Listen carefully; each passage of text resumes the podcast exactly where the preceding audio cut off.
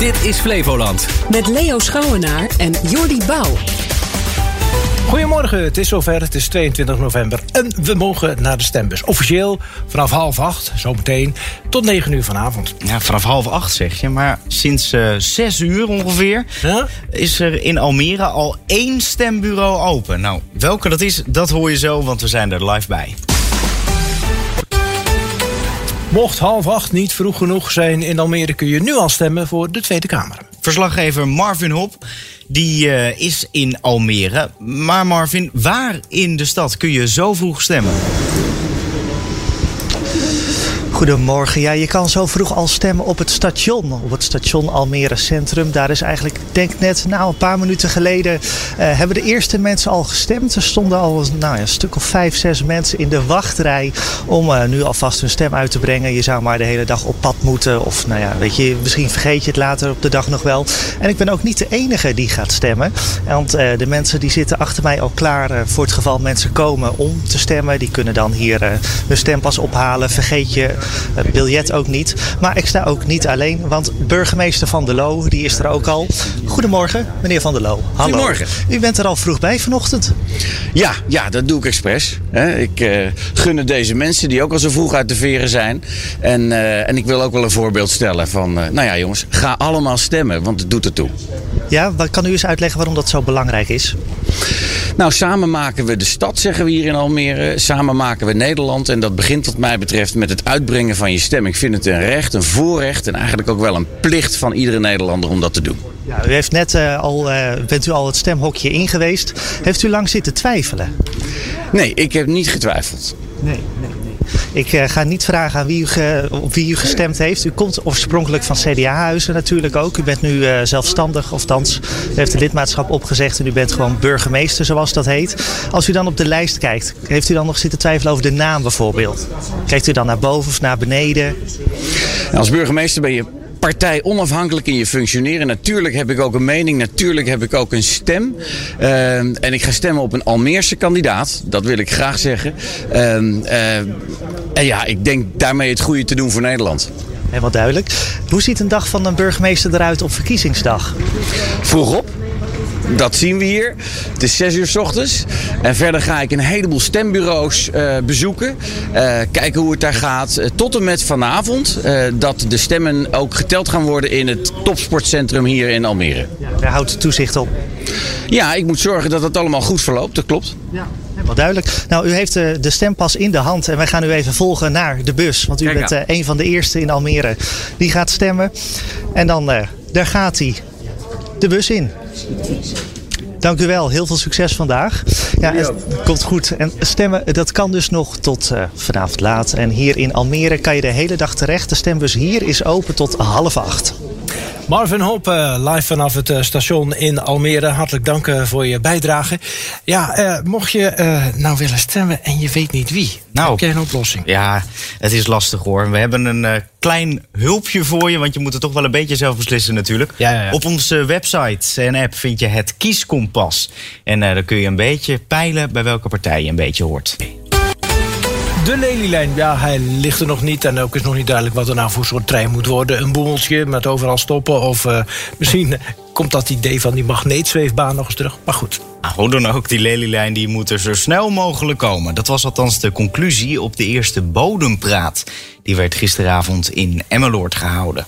Inwoners van Noordoostpolder konden daar hun hart luchten over de mogelijke komst van de spoorlijn. En dat ging af en toe ook met een grapje gepaard. Nou, we hadden het over de stoomlocomotief. Daar gingen we voor. ja, ja, ja. Het leeft al jaren en is een lang gekoesterde wens van inwoners van Emmeloord. De Lelylijn. Welkom allemaal namens mij. Mijn naam is uh, Peter Winkler. En inderdaad, Ronald, ja, uh, wij zijn uh, echt blij met de opkomst. Fantastisch dat jullie er allemaal zijn. Meer dan 100 belangstellenden waren aanwezig in Theater Het Voorhuis op de eerste editie van Bodempraat. allereerst, we wonen natuurlijk op de bodem van de zee. tegelijkertijd willen we gesprekken hebben die ja, tot de bodem gaan. Dus, en daar staat natuurlijk ook het praat voor. Gesprekken die we met elkaar voeren. Dus vandaar uh, bodempraat, lekker kort en krachtig. Kort en krachtig is ook het eerste thema, de lelielijn. Het duurt allemaal een beetje te lang en dan gaat het vertrouwen eruit. Ja. Zeker omdat ze weer met een ander uh, alternatief kwamen uh, onlangs. Ja, niet via Emmeloord, hè, maar Nee, de afsluitdijk. De afsluitdijk, ja, nou ja, dat schiet niet erg op natuurlijk. Wij zitten al heel lang te wachten op een trein. Om een goede ontsluiting van de Noordoostpolder. En het is allemaal een beetje begonnen met eh, de magneetzweefbaan. Daar ben ik zelfs nog mee geweest met de raad naar Laten. Om onze kinderen die gaan studeren in Amsterdam, eh, Groningen. Als die lijn hier zou komen, zou je 80.000 eh, inwoners krijgen. Dat zal een heel belangrijk iets wezen. Dan kunnen ze langer thuis blijven wonen. En hoeven ze niet op een kamer te zoeken die Nou ja, daar waren ook alweer een hoop inwoners van. Die zeiden van, oh, oh, oh, oh. Niet te hard groeien. Maar groeien is wel belangrijk, hè. Al zullen we niet eh, direct een intercity krijgen. Maar een boemeltreintje is voor mij al genoeg. Inwoners van Noordoostpolder zien overigens liever niet dat er ook een goederentrein gaat rijden als de Lelylijn komt. Het mag voor mij gewoon alleen eh, personenvervoer worden. Om eerlijk te wezen. Kijk, eh, en hij moet natuurlijk hier stoppen hè, met, een, met een mooi station. Maar let ook op de keerzijde van een trein door het polderlandschap, waarschuwt organisator Winkler. Kijk, een trein eh, kan natuurlijk ook het landschap raken. eh, ja, het veranderen in, in omgeving. Hoe gaan we ons daartoe verhouden? En ik zeg zeker niet dat er geen trein moet komen. Eh, er zitten heel veel kansen ook in die dat eh, ons als inwoners kan bieden. Maar we moeten ook zeker nadenken over ja, eh, misschien wel de keerzijde. Want het zou best kunnen dat akkergrond moet worden opgeofferd voor de Lelylijn. Maar zou dat voor u dan een probleem zijn? Als Nee, voor mij niet. Nee, nee, nee. Volgens mij eet ik er geen aardappel minder om. Nee, nee. Dat was dus te doen bij Bodempraat. Die organisatie daarvan wil drie keer per jaar eh, bijeenkomsten houden... met thema's als woningtekort, cultureel erfgoed... en de vergrijzing van Noordoostpolder. Je hoorde een bijdrage van Sam Jones.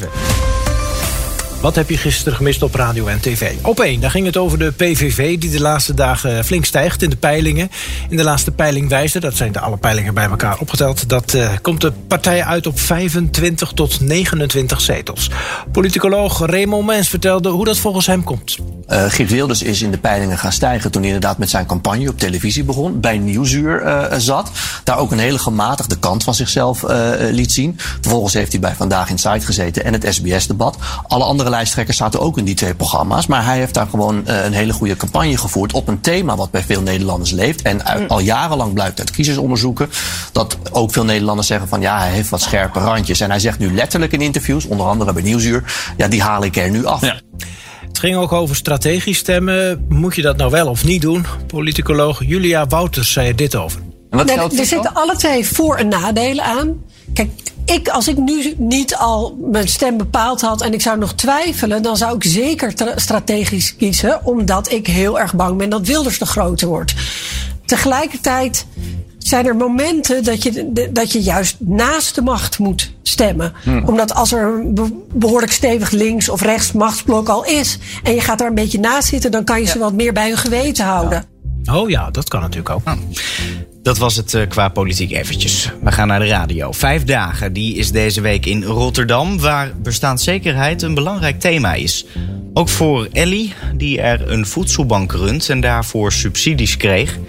Nou, dat deed ze. Ze werd beschuldigd van fraude en moest tienduizenden euro's terugbetalen. Maar Precies. al die bedragen, die zijn verantwoord. Bonnetjes, alles. Je, je, vraagt een subsidie aan en je moet het gaan verantwoorden. Je krijgt dat geld niet zomaar op je rekening. En op mijn bankafschriften stond netjes omschreven waarvoor dat geld was.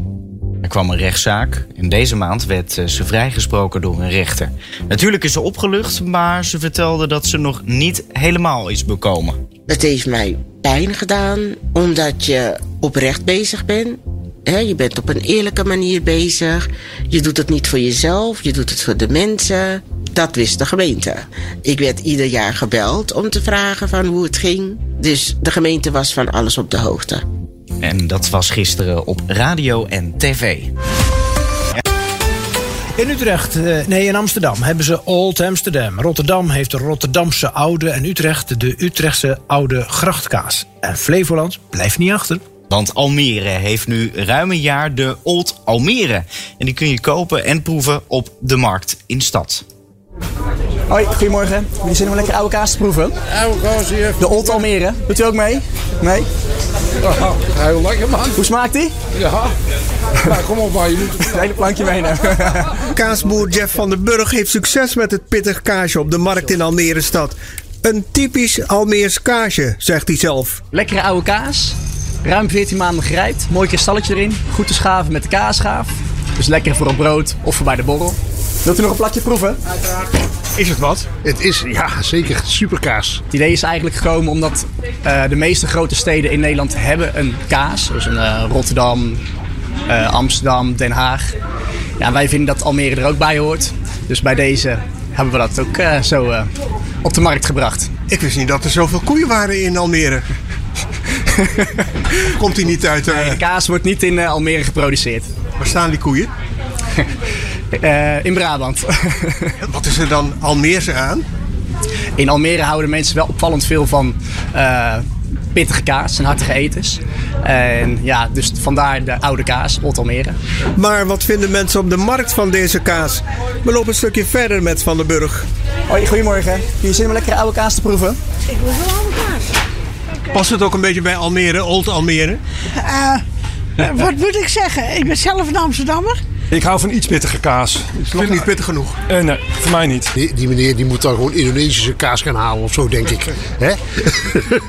Maar het is wel lekker, maar ik, ik hou van echt brokkelkaas die helemaal uit elkaar valt. Dus, eh, Hij is niet te zout, hij heeft een mooie structuur en ik hou nou eenmaal van kaas. Nee, het is mij te oud. Te oud? Ja, ja Zo dan? dat, dat krijg ik niet weg. Tja, helaas. Ik vind eh, jonge kaas lekker. Je bent meer van Old Amsterdam. Ja, maar dit is ook goed toch? Proeft u het verschil eigenlijk? Nee, absoluut niet. Ik ben geen fijnproever. Ah, maar, maar dat zie je wel allemaal. Nee, het is gewoon een hele lekkere kaas die mij eh, enorm bevalt. Ik haal hem heel vaak, dus eh, we maken verder geen reclame. En als het nou Jong Almere hadden genoemd? Oh ja, ja, dan had ik het wel genomen. Zoveel mensen, zoveel. En dan de berichten van buiten Flevoland. In het eh, laatste debat voor de verkiezingen gisteravond bij de NOS waren er opnieuw harde woorden over en weer. En voor het eerst deze campagne een andere toon van het CDA tegen oud-CDA Pieter Omzicht. Ik hoor niet meer bij dat oude CDA. Ik wil daar ook niet meer bij horen. Want dit is precies de reactie waar we zat van zijn. Meneer Bond, ja, voor meneer nog even reageren. Heel eerlijk beter. gezegd, ik had deze harde aanval eigenlijk niet verwacht. Ik vind hem ook niet netjes, eerlijk gezegd. Uw vingerafdrukken staan 20 jaar ook op dat beleid. En ik mag in elke talkshow reflecteren op wat het CDA gedaan, heb, gedaan heeft. En ik doe dat. En verder zei PVV-leider Wilders dat eh, als zijn partij de grootste wordt, hij premier wil zijn voor alle Nederlanders. VVD-leider Jezielkus zei dat hij dan eerst zijn verkiezingsprogramma maar moet verscheuren. Dan wat ander nieuws dan de politiek. In Haarlem kregen mensen die de tandarts niet kunnen betalen de kans om hun gebit gratis te laten controleren. Voor deze man kwam het als geroepen, want zijn kunstgebit is al een tijdje stuk. Ja, ik, denk- ik denk dat ze wel schrikken zo meteen als ze mijn tanden zien. Want eh, ja, ik heb hem zelf geplakt en eh, ja, dat is echt niet uh, jovel. Hoe heb je dat gedaan, dat eh, maken van dat gebit? Ja, met uh, secondenlijm. En dat is nu eh, een beetje raar, want eh, ja, eh, hij zit scheef en eh, het drukt op mijn tandvlees. En eh, ja, 7 kilo afgevallen, dus dat mag het wel eh, gemaakt worden. Het initiatief kwam van Stem in de Stad. Dat is een organisatie die zich inzet voor Haarlemmers die het moeilijk hebben. Het was eh, een feestje gisteravond voor het Nederlands elftal. Oranje was al geplaatst voor het EK. En in de laatste kwalificatiewedstrijd werd er ook nog eens met 0-6 gewonnen van wereldmacht Gibraltar. Ja, Kelvin eh, Stenks die scoorde drie keer en mocht de bal mee naar huis nemen. Om weer terug te keren in het Nederlands elftal om te spelen. En eh, ja, dat je dan ook drie goals mag maken en eh, ja, de overwinning mee naar huis mag nemen is, eh is een mooie. Wat doen met die bal? Eh, mee naar huis nemen gewoon. En eh, misschien wat handtekeningen binnen erop zetten. Dus, eh, Hoeveel heb je er? Is dit de eerste? Eerste. Allereerste. Ja, ik, ik heb ook thuis een bal van een belangrijke wedstrijd eh, bewaard, maar die loopt helaas langzaam leeg. Wat is het voor een belangrijke wedstrijd dan? Nou, dat was een wedstrijd, daar staan alle namen van de deelnemers op. En dat is wel leuk om zo'n bal te bewaren natuurlijk. Ja, tuurlijk. Ja, en eh, hoe, lang, hoe oud is die bal dan? De bal, gauw tien jaar. Ja, het loopt langzaam leeg. En op een gegeven moment het materiaal vergaat ook. Maar Ja, tuurlijk. Ja. Of eh, misschien een ballenpomp nog eens even proberen? Ja, misschien dat ik dat nog eens even moet doen. Eh, nog even terugkomend op het eh, Nederlands elftal, want daar waren we mee bezig. op 2 december krijgt het Nederlands elftal te horen in welke groep ze zitten voor het EK van volgend jaar. We slaan de kranten nog even open. We beginnen bij het AD. Die schrijft dat het rommelt binnen het Nederlandse Rode Kruis. En dat gebeurt sinds de directie zich alleen maar op de noodhulp richt. Vrijwilligers die zijn ontevreden en stappen massaal op.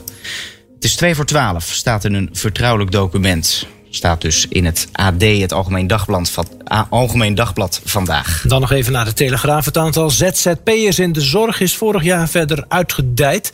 Toch lijkt het totale aantal Nederlanders dat kiest voor het ondernemerschap dit jaar te stagneren. Ja, de vrijheid, die eerst zo aantrekkelijk eh, leek, die valt veel ZZP'ers tegen. En ook de verdiensten blijken onderaan de streep vaak minder dan gedacht. Zo schrijft de Telegraaf vandaag. En volgens het Centraal Bureau voor de Statistiek gaat één over de vijf ZZP'ers na een paar jaar toch weer in loondienst. En het waren ze, de berichten van Buiten Flevoland. Zaterdagochtend op radio en tv. Het Weekendcafé. Omroep Flevoland en RTV 527 zijn te gast bij Grand Café Emmeloord. Met interessante, bijzondere, opmerkelijke inwoners van Noordoostpolder... en een goede discussie over het plaatselijke nieuws. Kom op de koffie en praat mee over actuele zaken in jouw gemeente. Elke uitzending vanaf locatie bij jou in de buurt. Het Weekendcafé. Kijk, luister en praat mee.